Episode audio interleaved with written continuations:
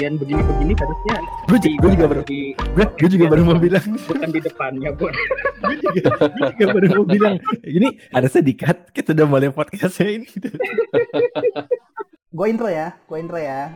Ya ini adalah episode kedua di podcast Udah Niat yang katanya sih mau ngundang idol ya di episode ke-10 ya, bener ya? Dengar sih begitu Oh iya, oh iya. wow Ya semoga ya meskipun cuman bercanda suatu saat akan terkabulkan lah ya. amin, Amin. ya robbal alamin Ya ini kan karena episode 2 akhirnya artinya kita lepas dari yang namanya apa ya neraka pilot. Biasanya tuh kalau project gitu biasanya cuman pilot doang terus stop gitu kan. Nah, di- Lanjut, lanjut dong, lanjut. Di- Udah niat kok, udah niat. udah niat oh, ya, sesuai dengan nama judulnya ya. Nah, kan di sini kita udah empat orang lagi seperti biasa, cuman yang yang ngikut dari episode 1 cuman Mas Dando ya. Saya hadir. Lalu ada dua lagi nih yang temen yang sudah yang termasuk pakar di bidangnya yaitu Pak Mazura sama Mas Arkan. Wis, mantap. Mazura apa kabar? halo Zura Des dari introduction dari aja Jepang. aja Ya udah udah ini ya Pak, sudah wibu sekali. Oh, Sok-sok wibu cuni gitu kan iya. Sarjana isekai dia. biar kelihatannya tuh seperti punya anu ke kepakaran yang memadai untuk ngomong tentang isekai di podcast ini padahal Padahal emang iya. Ya Pak. Lalu terakhir Ya. eh, sumber yang budgetnya paling tinggi di antara kita semua, Mas Arka. ya bukan gak ada nih. Oh, mungkin bisa dijelaskan sekilas kenapa kok ta- kok kita sebut budget paling tinggi itu kenapa Oh, mungkin? Sa- sa- saya tuh sa- saya tuh bukan pakar saya mungkin pagar kali ya hanya membatasi gitu kan. Oh iya di sini bicaranya ke sini ya udah. Saya mungkin ikut nimbrung gitu kan. Oh ngomong ini ya. Mendorong paling mic-nya paling mahal. Wah, eh, Sebuah reveal itulah yang mengapa dibilang paling niat tuh sebenarnya karena itu dari mic. Dari equipment aja paling niat ya, udah niat sekali deh. kan harus dimulai dengan niat gitu. Iya betul. Ya, di, Karena mungkin Mas Arka ini juga ini ya punya Twitch dan emang gamer pro sebenarnya. Jadi memang Wah, aplaus dulu lah buat Mas Arka lah, aplaus Oh. dulu lah. Ini emang iya. sebenarnya emang orang sudah pro di dunia per pergaman. apa ya perjepang-jepangan dan per game-gamean ini. Ya betul. Ini sebelum memulai uh, temanya mungkin bisa diceritain dulu paling uh, main game apa aja nih? Kalau sekarang game Siapa? fightingnya, iya, Mas Arka. oh fighting game apa kalau dari zaman dulu sebetulnya Yang terakhir nih, yang oh, lagi paling nih. mungkin cerita dikit ya sebenarnya Du- dulu tuh mulainya dari multi black kalau misalkan pada tahu sih ya Yang sebelah, oh. Em, berhubungan dengan anime Tsukihime mungkin kalau para pendengar tahu Eh, Iya, Sugime. Oh. Nah, ya udah itu berlanjut dari situ. Kebetulan emang dapat ya dapat teman kan yang suka main, jadi ya sering main. Bapak Arka itu orang-orang yang sekarang mengaku budak-budak Type Moon belum tentu mereka tahu apa itu multi blood dan multi blood react. Oh gitu ya, Pak. Wah, Bapak tahu juga ya multi blood react nih. Jangan-jangan kita Jangan-jangan seumuran deh. Wah, Terus gimana lanjut, lanjutnya gimana? Habis multi blood? Oh, tapi, oh, tapi multi blood ya, tapi eh, akhirnya dari situ ketemu komunitas kan coba-coba main fighting game lain. Kalau sekarang terakhir main itu eh, Dragon Ball Fighters ya, yang diseriusin, seriusin. yang Hmm. disenangi lah bukan diseriusin Disenangi. jadi kan seneng karena senang jadi main terus ya alhamdulillah mahir das Asik. Sekarang kalau streaming berarti main game itu. Juara juara satu loh, bukan mahir juara satu. Oh, juara satu, juara satu apa namanya apa karena nih? mahir juara satu Nah, Juara satu di mana nih? Kalau boleh tahu level level apa nih? Nasional? oh juaranya oh, oh jadi dulu sempat ada itu sih ya eh, adain sama Bandai Namco nya sendiri itu emang kayak eh, turni worldwide gitu sih. Jadi kebetulan waktu itu ada preliminary-nya di Jakarta di eh, Anima Festival Asia ya AVA Indonesia. Itu tahun berapa ya? 2017 ya Hmm. ya 2017 dan kebetulan di situ menang sih juara satu di situ. Wow, luar biasa. emang mantap. Prestasinya paling tinggi emang luar biasa.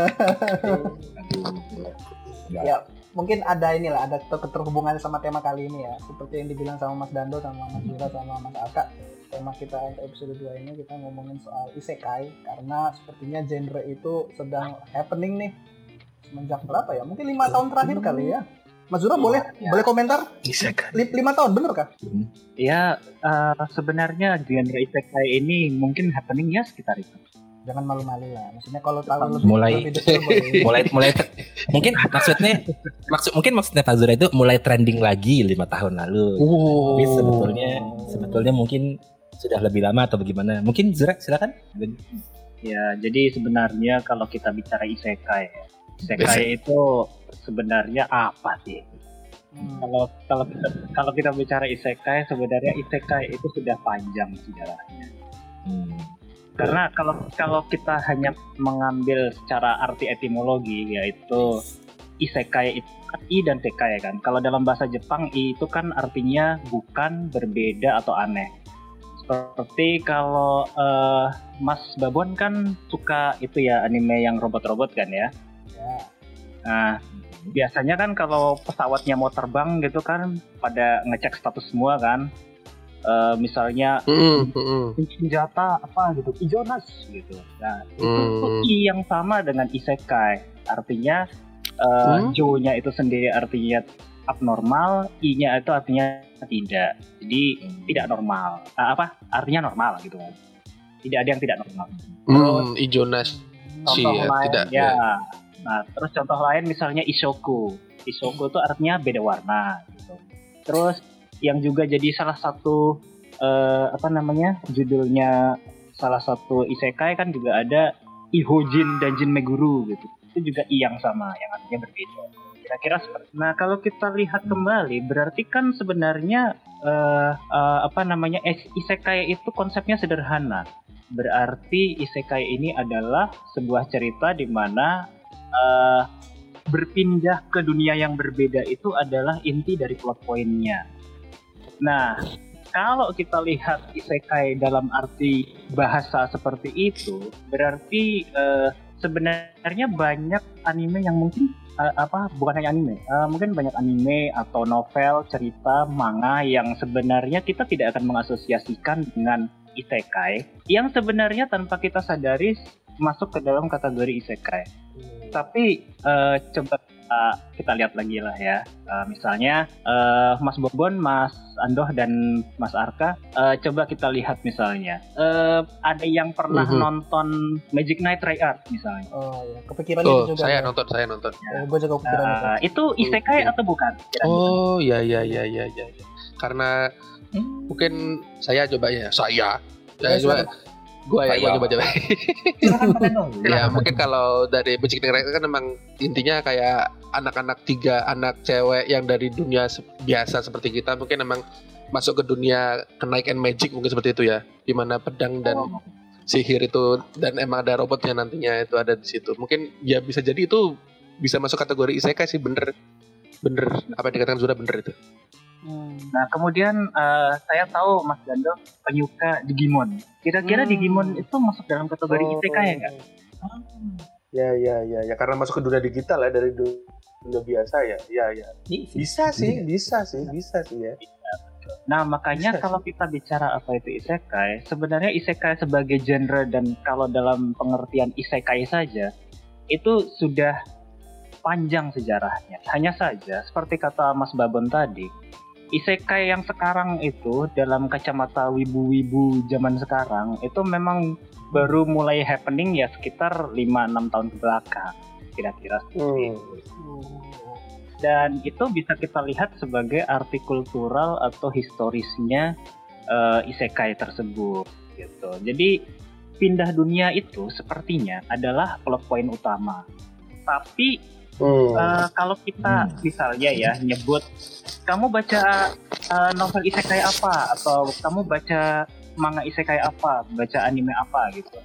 Eh, yang akan terbayang misalnya apa gitu Mas Babon? Ya, yang sekarang isekai slime, pokoknya yang karakter-karakter yang tereinkarnasi ke dunia lain. Nah, Iya sih sekarang. Ya, betul betul betul betul. Nah, itu kan berarti sebenarnya ada pergeseran jadi bahwa eh, sudah terbentuk sebuah genre tersendiri yang tidak hanya eh, terdiri dari eh, pindah dunia saja, tetapi juga bersama dengan kondisi pindah dunia itu ada elemen-elemen lain yang juga bergabung membentuk apa yang kita bayangkan seperti isekai. Nah, eh, mungkin bi- bisa lebih dijelaskan mungkin Mas Babon dan kawan-kawan Eh, apa aja tuh kira-kira yang elemen-elemen yang sering nongol gitu di? Gua sebut satu ya. Mau kebayang aja lah. Gua sebut satu ya. Ya. Guild, Hmm? Ya. Apa? Guild, Nah, Guild. guild, guild. guild. Oh, Guild, guild. guild. Ya. Oh, guild. Eh, terus apa misalnya Mas Daniel? Ya kalau dari gue sih paling eh, ini ya eh, kayak semacam apa eh, RPG, RPG, game game Oh, RPG. Hmm. RPG. Berarti Hmm. anu ya, RPG mekanik. ada eh, semacam pengaruh dari video game, terutama RPG dan terutama lagi berarti Japanese RPG. Nah, Hmm, ini hmm. kayaknya keahliannya saudara Arka. Nih gimana saudara Arka? Hmm. Bener begitu, isekai itu Wah. kayaknya sekarang pengaruhnya besar dari sana.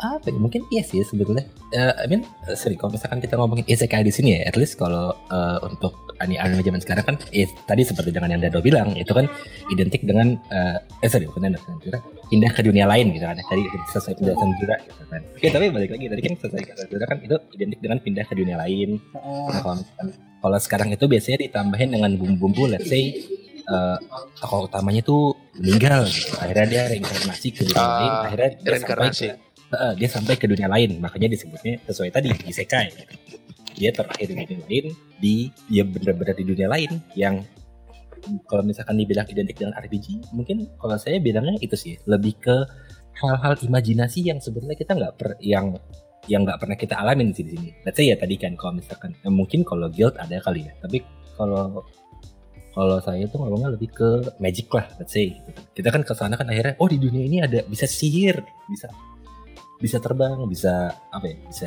bikin makanan dari dari sesuatu yang hampa gitu apa pun. Gitu. kan.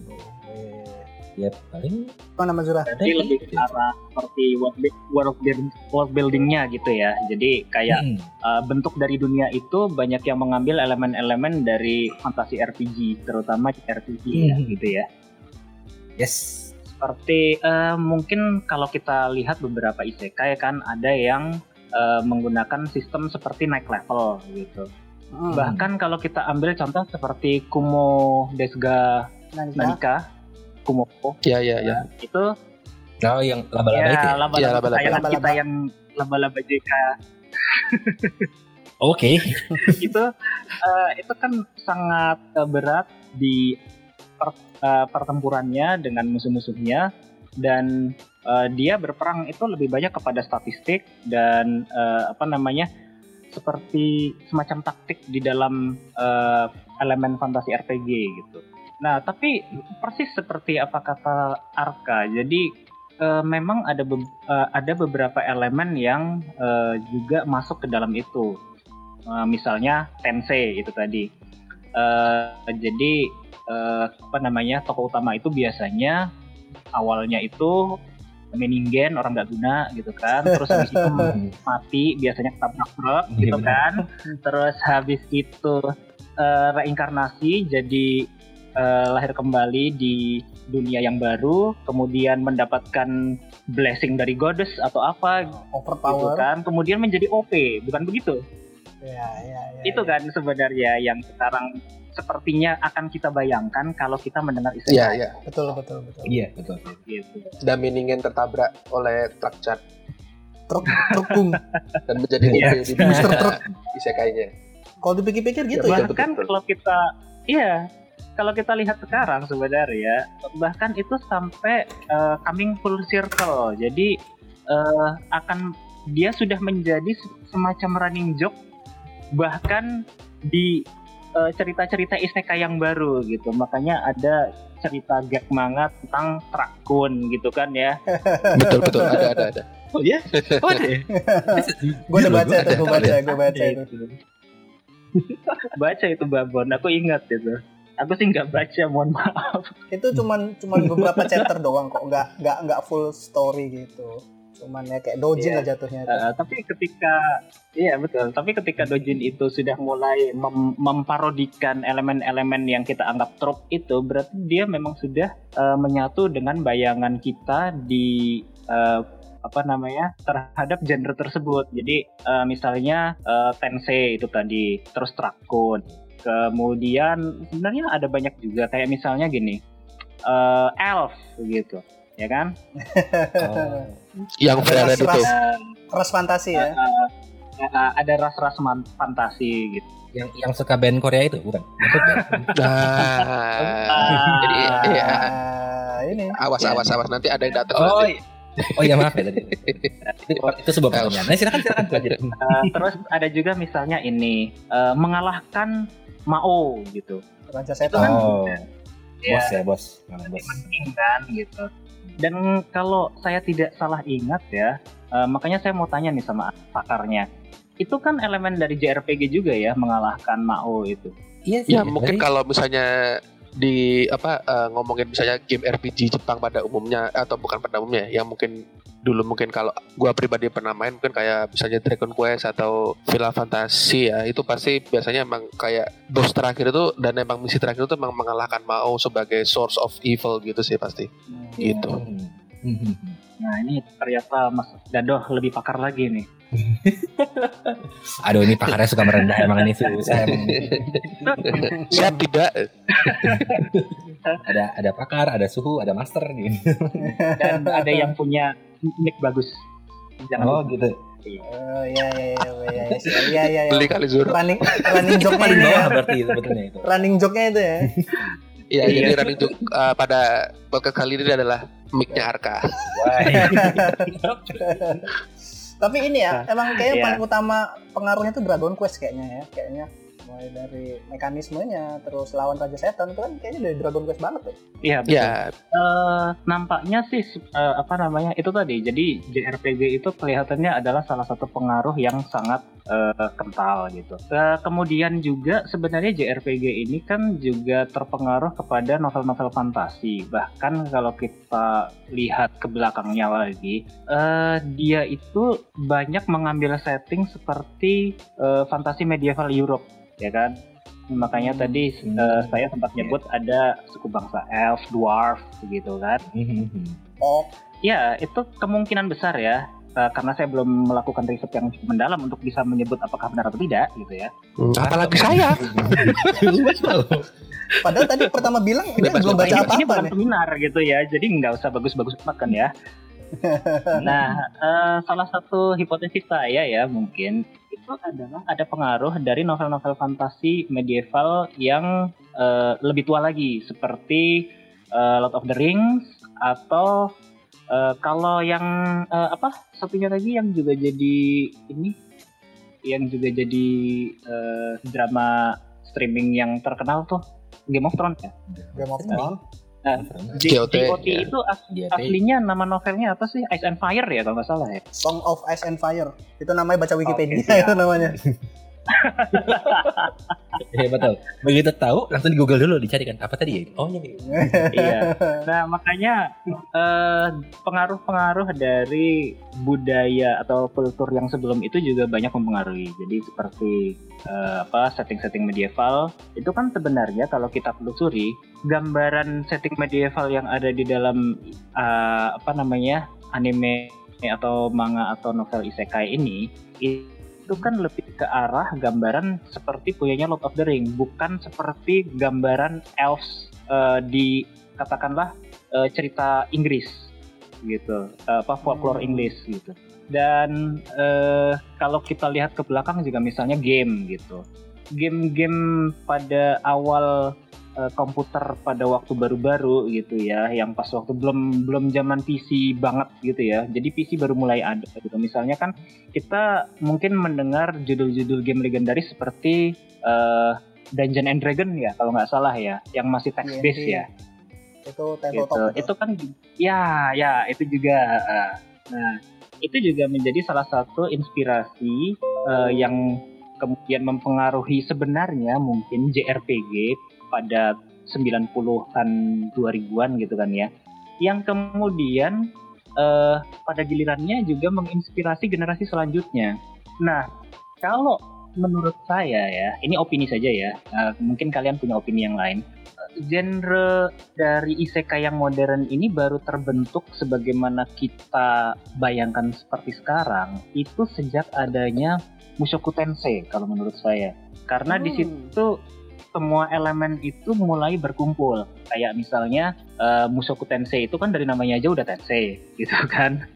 Mhm. Iya, iya.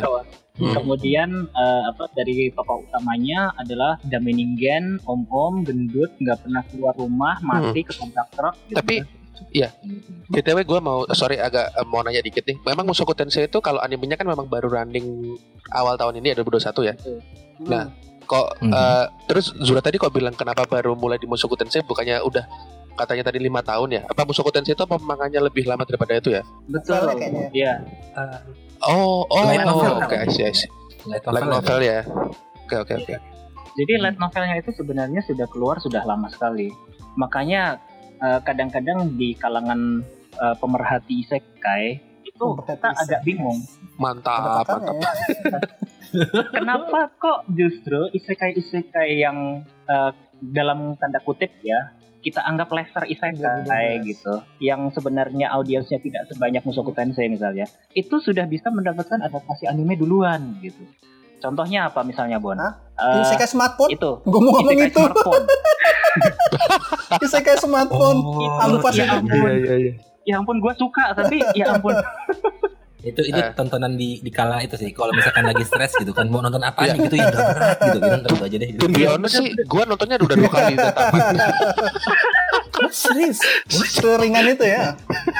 Konosuba, Oh, itu Konosuba. isekai isekai tontonan kesukaannya Mas Dando tuh saya suka tuh. Eh, Naik tidak, naik Karena emang emang nggak ada apa nggak kayak udah flawless aja kayak udah udah udah udah udah gitu. ikutin ikut, ikutin aja nggak usah mikir gitu kan nonton oh Iya, ini iya, kejadiannya Oh, iya. begini ya udah Istilah isekai braindead itu ya. Apa dua kali Iya. lu gua nonton? dan, gue lagi butuh refreshing kayaknya itu dua sampai dua kali Iya. Nah, itu dia. Makanya jadi eh, apa namanya? Saya ingat waktu keluar misalnya Mushoku Tensei gitu. Ini kenapa baru diadaptasi sekitar 2021 gitu. Eh mungkin kalau bicara audiens seperti No Game No Life gitu kan ya. Kan memang Ya. sudah duluan. Pak, eh, dia memang besar Hmm. gitu kan ya. Eh, makanya eh, apa namanya? Eh, mungkin baru dari itu kita mengasosiasikan isekai seperti itu. Dan setelah itu kan eh, keluar ledakan gelombang isekai-isekai baru gitu kan ya. Jadi mengambil tempo yang Iya, sudah ada kemudian keluar isekai dan biasanya bukan dari light novel tapi banyak juga yang berawal dari light novel amatir atau yang kita sebut Web. sebagai eh, web novel Dan novel istilahnya ya. mungkin ya web, web novel Da- eh, mungkin Mas Babon eh, banyak menemukan yang seperti seperti itu kan kayak misalnya gini eh, apa ya Atelier Tanaka itu seingat saya web novel deh itu Atelier Tanaka. Tanaka. Tanaka. Iya iya iya iya iya itu itu web Aduh. novel ampas itu iya bener. uh, masih inget masih inget aja anjir. bentar ini jadi penasaran gue Nah, gue sekalian itu jadi rekomendasi itu untuk Iya.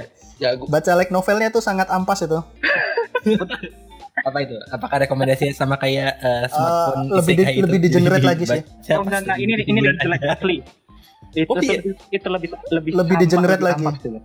oh ini lebih menghibur Ter- tergantung hiburan jenis apa yang anda cari kalau hiburannya Mas Babon kayaknya oh, itu udah cocok banget nah, itu udah sangat terhibur sekali oke ini Ya Kalau ya dicek ya. ini. ya. oke Iya. nah tadi Nah, dan kita bisa masuk ke apa namanya eh, bagaimana ceritanya web novel naik jadi light novel kemudian hmm, Tapi- bagaimana eh, jelek-jeleknya kan Nambahin kali ya. gitu ya Kan kalau nggak salah web novel itu kan Gimana, dia nggak ada editor ya. Kan Hmm. karena pengarang sendiri kan ngupload ke web gitu kan. Jadi kan nggak ceritanya tuh nggak ada nggak ada yang lurusin, Ya, nggak ada yang rapiin. Biasanya tuh kayak gambaran kasar lah, draft kasar dari sebuah cerita gitu web novel tuh. Nanti di like di like novel kan udah masuk Oh. tuh ada editor. Nanti ceritanya mulai dilurusin, mulai di lebih masuk akal kan atau lebih ya lebih manusiawi, lebih enak dibaca gitu. Soalnya beberapa cerita tuh kayak apa ya kayak Riz- kayak Rizero itu kan Iya. itu web novel aslinya tuh Rizero Iya, iya, Rizero tuh dari web novel masuk light novel saya itu dan itu banyak katanya ceritanya yang ya istilahnya dipotong gitu Oh. karena ya itu menurut editor mungkin nggak nggak bagus atau nggak sesuai Oh. ya lanjut lagi lah ngomongin tadi mungkin banyak yang vulgar kali. ya. Eh, Nah, ini anu juga eh, menarik juga karena saya juga mendengar bahwa dari eh, cerita tentang web novel menjadi light novel itu, saya banyak mendengar bahwa eh, banyak pengarang web novel yang ketika karyanya diangkat oleh publisher besar untuk menjadi light novel, itu skillnya dalam mengarang itu eh, pas-pasan atau boleh Amatir dibilang lah. ampas, gitu. Jadi iya, jadi pada akhirnya kemudian eh, banyak editor yang semacam menulis ulang apa yang ditulis oleh iya iya penulis iya saya pernah aslinya gitu. Jadi mung- jadi iya, iya. Jadi mungkin eh, mereka memang punya ide awal gitu kan. ya, Ide awalnya bagus, tapi punya ide awal dan menentukan arah cerita mau ke arah mana itu kan suatu hal yang berbeda ya. Jadi kalau misalnya kita punya ide awal yang bagus gitu, groundbreaking gitu, ya mungkin kita bisa jalan 3 4 chapter gitu kan.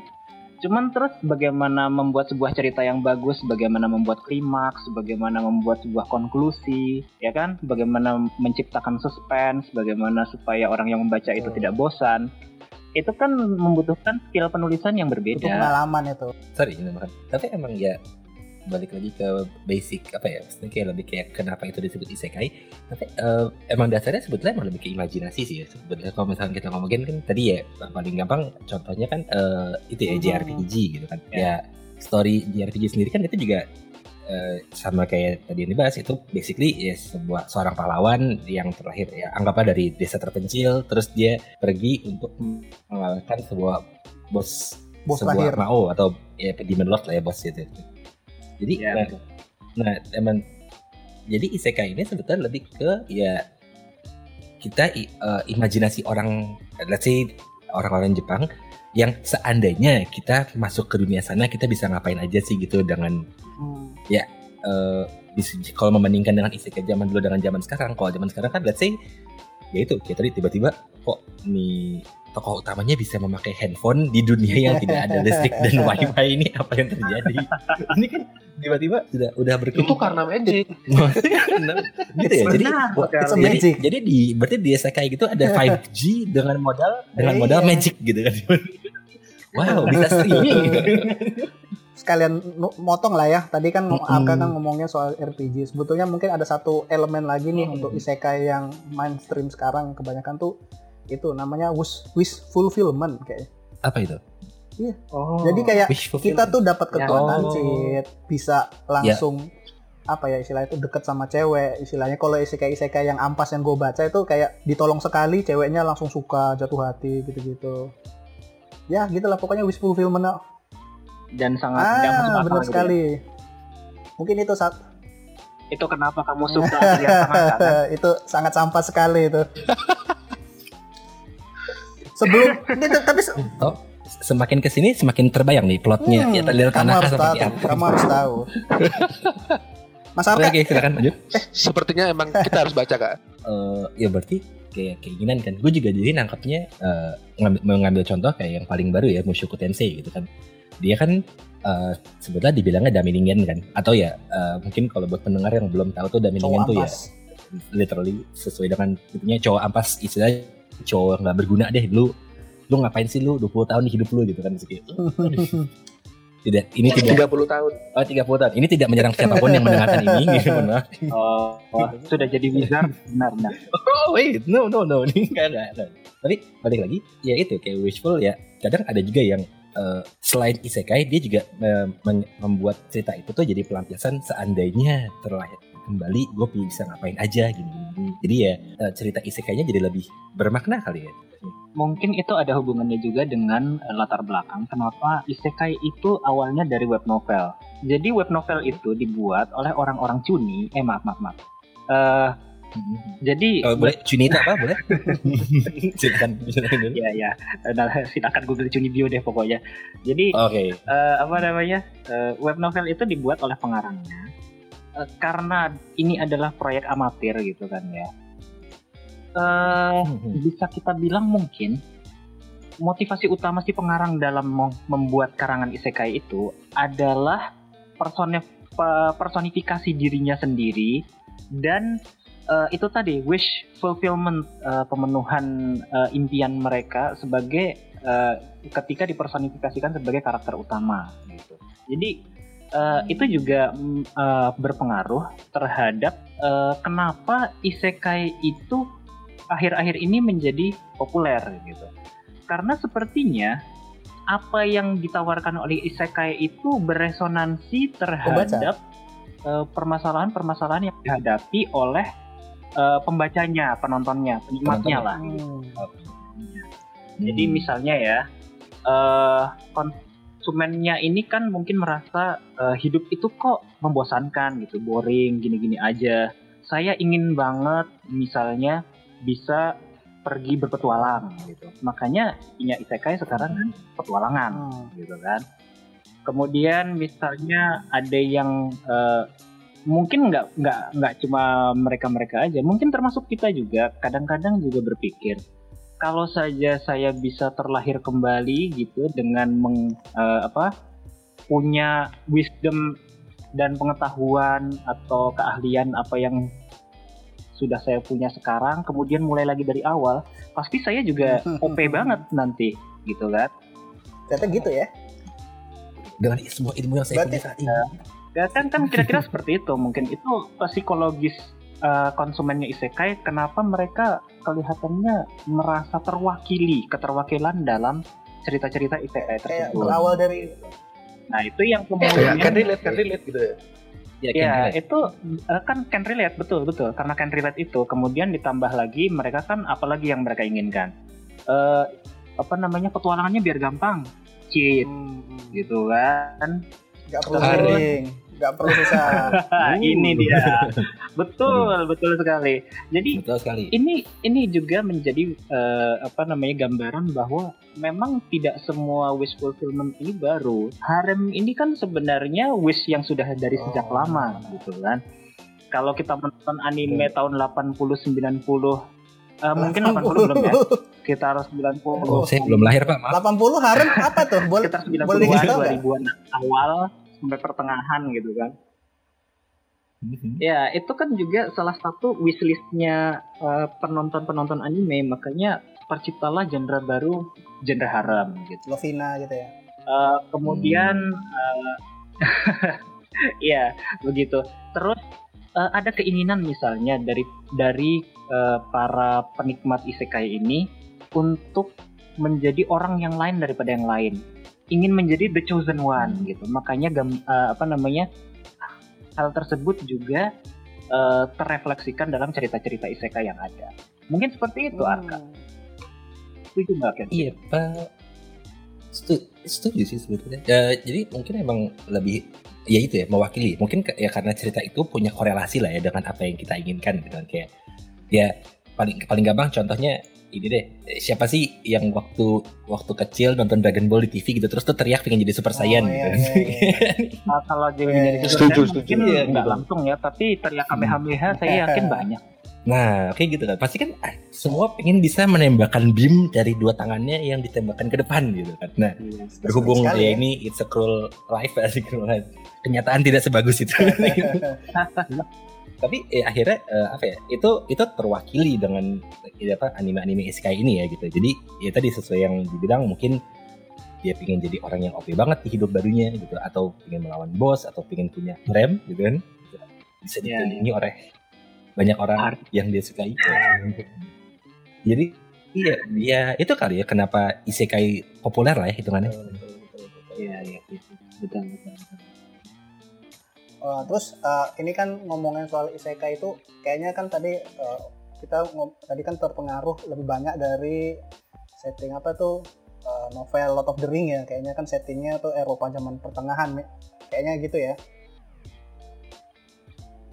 Hmm, Iya, betul. sebetulnya kalau dipikir-pikir kenapa banyak itu? Karena satu memang pengaruhnya dari situ. Yang kedua karena udah populer aja gitu. Kalau misalnya membuat settingan terbaru misalnya kayak harus membangun world membangun dunia lagi kan sepertinya kan sulit nggak semua orang penulis itu mampu untuk membuat cerita seperti itu kan jadi dengan mengambil template template RPG Iya. Middle Ah. Earth eh Middle atau apa Middle zaman pertengahan Eropa kayaknya ya udah bikin karakter Ya, aja gitu bu desain worldnya nggak perlu dipikirkan lebih banyak seperti itu kan Iya medieval gitu Hmm. ya settingnya. Dan kelebihannya juga karena penontonnya juga, juga sudah familiar jadi mereka eh, tidak perlu belajar ulang dan sudah punya bayangan lebih awal gitu. Langsung nyambung gitu dengan cerita-cerita tersebut. Oh iya iya. Ya ya. Si- nggak kayaknya nggak nggak ada siapa pun untuk zaman sekarang gitu ya, nggak ada yang tahu. Nggak mungkin nggak ada yang tahu. Uh, mungkin ada knight ada ada apa ya ada knight ada Hmm. magician gitu kan tuh yang ya dari dulu tuh istilahnya cer- cerita dari Eropa tuh kayak, kayak gitu semua ya. Ada naga lah diselamatkan oleh eh sorry.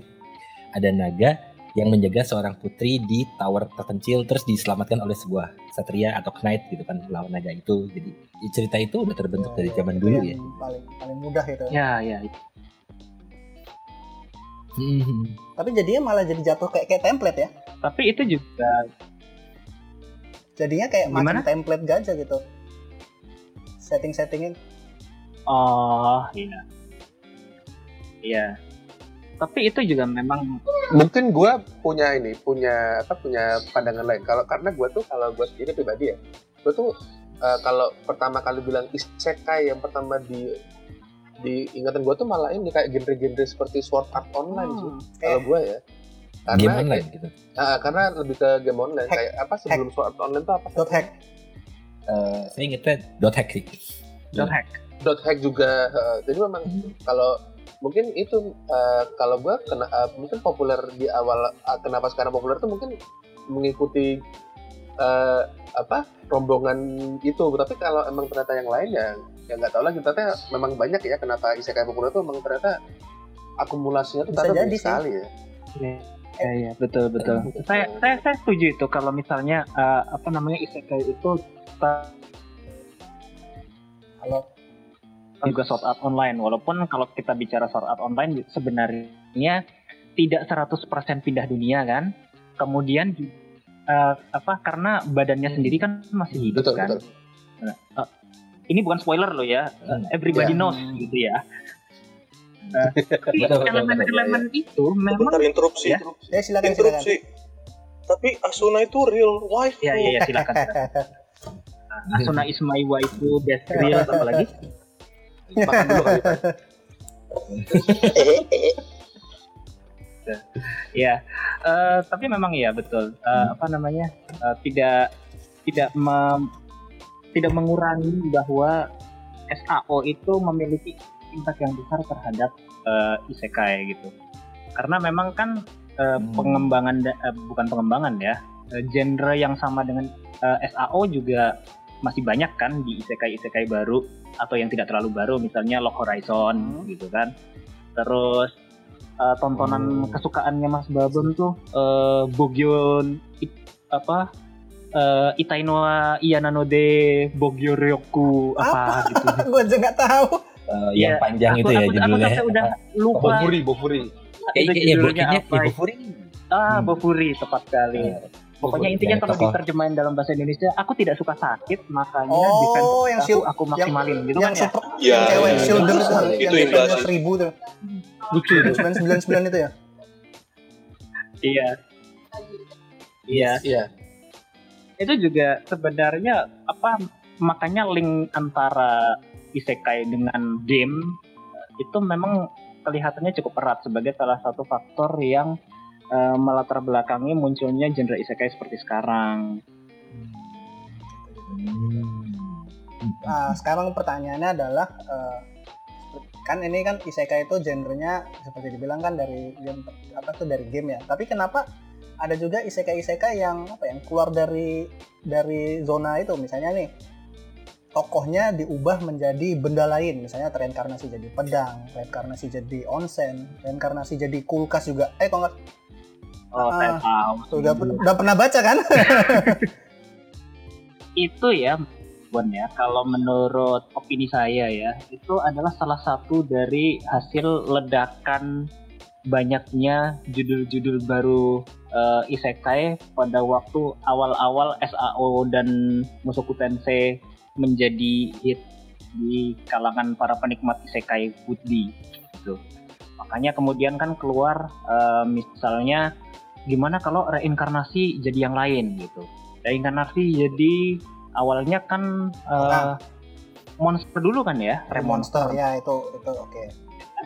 Iya. Nah, makanya keluar Remonster kan. Kemudian habis itu mau reinkarnasi jadi pedang. Itu ya itu tadi yang eh, Tensei Shitara Kendesta. Terus Laba-laba. habis itu bukan habis itu, kayaknya malah sebelumnya. Ada juga yang jadi Hmm. slime gitu kan. Dan sempat Hmm. mengalami periode yang aneh-aneh. Ada yang berubah jadi onsen, ada yang berubah Vending mesin. jadi Se- Sebentar, sebentar. Jadi Di- onsen gimana? bener. Iya, Mana? ada yang, Jadi ada yang jadi onsen. Itu reinkarn reinkarnasi jadi onsen. Kamu, kamu bisa Bentar. cari itu manganya ada itu like novel tuh pokoknya. manga tuh. Like novel itu. bentar. Bentar. Kayaknya web novel deh, Bentar. tapi aku juga nggak begitu yakin. Pokoknya ampas banget apa sih yang mau diceritain gitu. Ya, ini ini kalau mikirin gitu. Ini ini ini kalau Yang jadi- mikir gitu. Tiba-tiba ini sebuah jadi wish laba-laba juga ada. iya loh. dong. Oh iya, Dia Mas. juga. Kumo, Desuga Nanika. kalau misalkan misalkan menjadi uh, monster gitu misalkan wishfulnya bahwa ya gue pingin reinkarnasi tiba-tiba jadi monster gitu oke jadi slime oke jadi laba-laba gitu pingin deh gue reinkarnasi jadi pemandian air panas gitu itu buat apa itu Pertanyaan saya juga ya itu mungkin sebenarnya. terjawab terjawab dari omongan si Zura itu Gimana? kan alternatif misalnya kayak karena semakin banyak makin Oh, iya? banyak variasi isekai kan jadi apalagi ya yang mau reinkarnasi jadi apa ya gitu. Makanya ada yang jadi aneh-aneh jadi kulkas lah jadi onsen lah jadi vending mesin kayak biar beda aja mungkin. Mungkin simpelnya segitu aja mungkin. Eh, kalau gue pikir sih ya itu buat ditunjang dengan eh, eh, bagaimana orang Jepang tuh bisa dapat ide itu sih. Kayak hmm. kalau isekai itu kan ibaratkan gue pingin lari dari kenyataan tapi sebenarnya kan kalau isekai itu imajinasi lo itu bisa jadi real gitu kan. Hati imajinasi Hmm. lo jadi real. Kayak bisa dapat onsen. Onsen itu kalau di Jepang sesuatu yang apa ya secret gitu loh. Karena setiap orang tuh pingin menikmati kalau masuk dalam onsen. Tapi kalau kita memang kalau onsen tuh aneh sih ya. Hmm.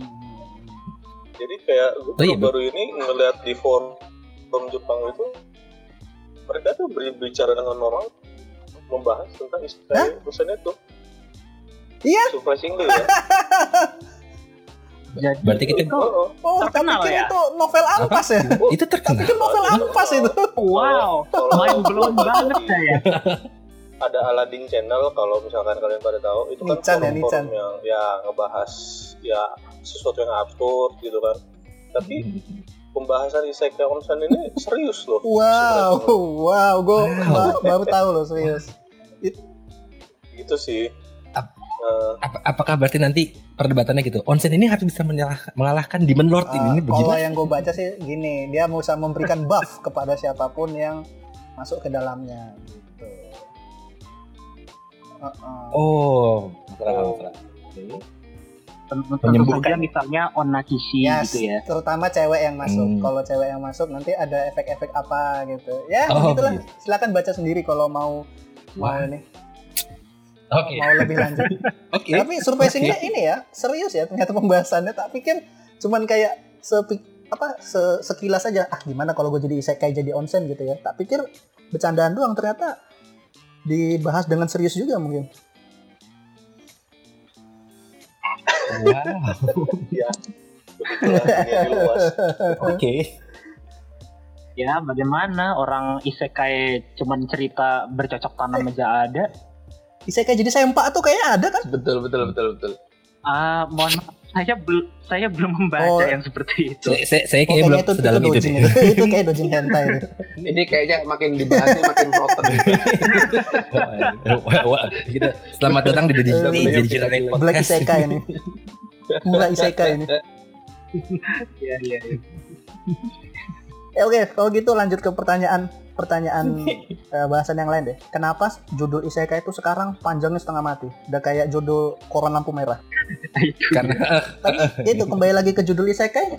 iya Gitu tapi ya, panjang ya sorry. ya kembali ke judul isekai ya sebenarnya gampangnya itu karena awalnya isekai itu kan eh, datang dari eh, light novel. Ah, ya betul kan ya. Jadi misalnya Sword Art Online itu kan awalnya light novel. Mushoku Tensei awalnya juga light novel gitu dan Hmm. eh, kecenderungan dari light novel itu adalah judulnya panjang gitu. Jadi kayak misalnya Mushoku Tensei itu judulnya bukan cuma Mushoku Tensei Mushoku Tensei Isekai e Itara Honkidas Oh, panjang itu ya. wow. eh iya, jadi kalau eh, apa artinya terjemahannya Musoku itu tadinya saya pikir tidak berwarna. Ternyata kan Musoku yang artinya literally jobless, tidak punya pekerjaan gitu kan. Oh. Jadi ini mencerit dari dari kata pertama Musokunya udah jelas bahwa karakter utama kita adalah orang pengangguran. Kasarnya Mushoku Tensei itu pengangguran yang reinkarnasi gitu ya. Betul. Tensei-nya reinkarnasi, ya kan? Eh, isekai e, isekai-nya udah jelas. Barusan kita bahas panjang Hmm. lebar. Another world. Para Honkidas. Kalau saya pergi ke isekai, saya akan berusaha dengan sungguh-sungguh. Yang mengandung makna juga bahwa karakter ini sebelum pergi ke isekai itu eh, membuang-buang waktunya, membuang-buang hidupnya, kira-kira seperti itu. Dan meningen itu tadi. Gitu. Nah, dengan judul sepanjang ini, eh, kenapa light novel itu biasanya diberi judul panjang? Karena ini kembali lagi kepada sejarah light novel. Jadi light novel itu kan juga happening sebelum ada happening khusus untuk isekai ini. Eh, light novel itu kan happening gitu ya. Makanya banyak adaptasi dari light novel menjadi anime kira-kira pada akhir 2000-an sampai eh, awal dan pertengahan 2010-an. gitu. Eh, dengan banyaknya light novel yang terbit ya, itu mengakibatkan para pengarang light novel berusaha untuk mencari pembaca sebanyak mungkin. Dan kalau light novel itu ditaruh dipajang di eh, toko buku gitu kan ya. Bagaimana caranya supaya orang bisa langsung tertarik untuk membaca? Dia harus langsung tahu apa sih isinya cerita ini gitu. Nah, itulah makanya eh, light novel menjadi semakin panjang judulnya gitu. Ini bukan hanya masalah light novel untuk isekai saja. Tapi karena isekai ini adalah derivatif dari light novel, maka dia ikut terbawa panjang judulnya. Di sisi lain juga, bukan hanya light novel, karena sebagaimana kita jelaskan tadi, itu ada derivatif juga dari web novel. Web novel ini lebih penting lagi untuk memiliki judul yang panjang karena bayangkan kalau kamu menulis eh, light novel eh apa menulis web novel kamu sebagai eh, sebagai amatir di eh, apa namanya SMS-nya yang biasanya dipakai untuk eh, menulis web Hmm. novel gitu kan ya. Bagaimana caranya eh, pengunjung itu bisa menemukan web novel kamu untuk dibaca? Ya jelas artinya ya kamu harus memanjangin judulnya untuk memberitahu si pengunjung bahwa ini loh cerita yang bakalan saya tulis.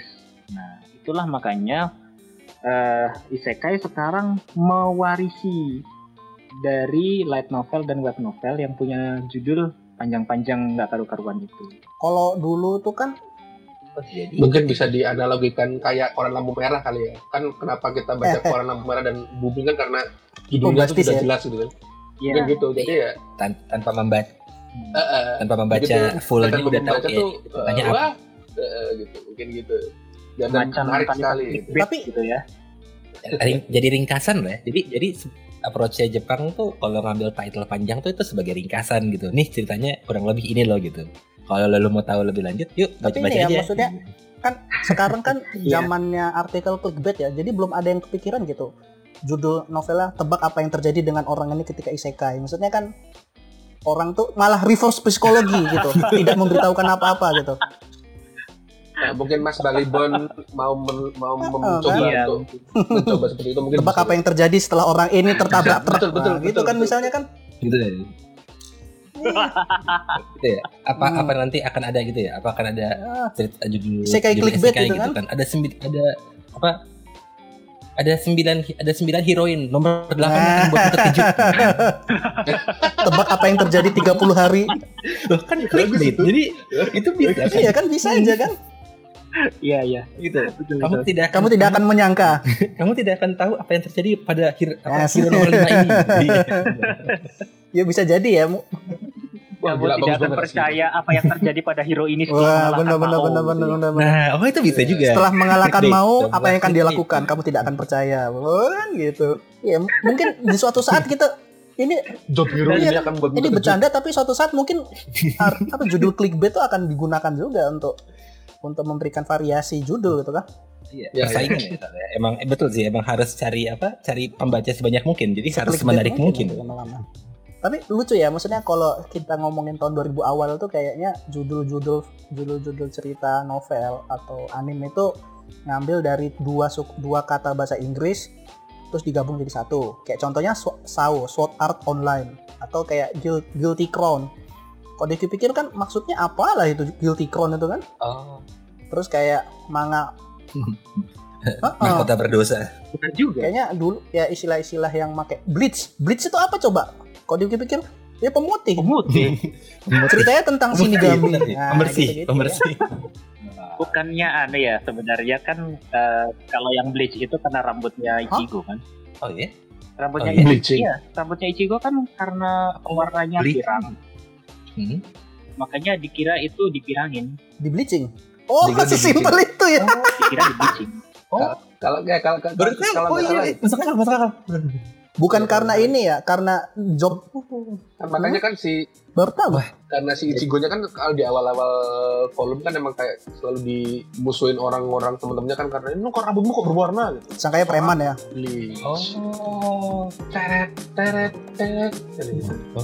Tri trivia setelah sekian tahun Gue pikir lamanya. karena ini. Begitulah buat momen Apa sih kan pemutih kan bleach itu kan soul sus- apa Shinigami itu kan me, me- apa me- memurnikan jiwa, menyucikan. Menyucikan, menyucikan. Ternyata kejauh, kejauhan ya. Luar biasa. Bisa-bisanya sampai kepikiran sama situ. Nah ini Topik banget. Eh, gue juga mikir gitu loh tadi. Gue juga mikir gitu loh. Kayak, oh, memutih. Oh ya, Memutihkan jiwa. Oh iya iya. iya. arti judul ini akan buat terkejut. Oh gitu. Berarti Mengejutkan. Ternyata ini kenapa judul anime itu Bleach. Oh,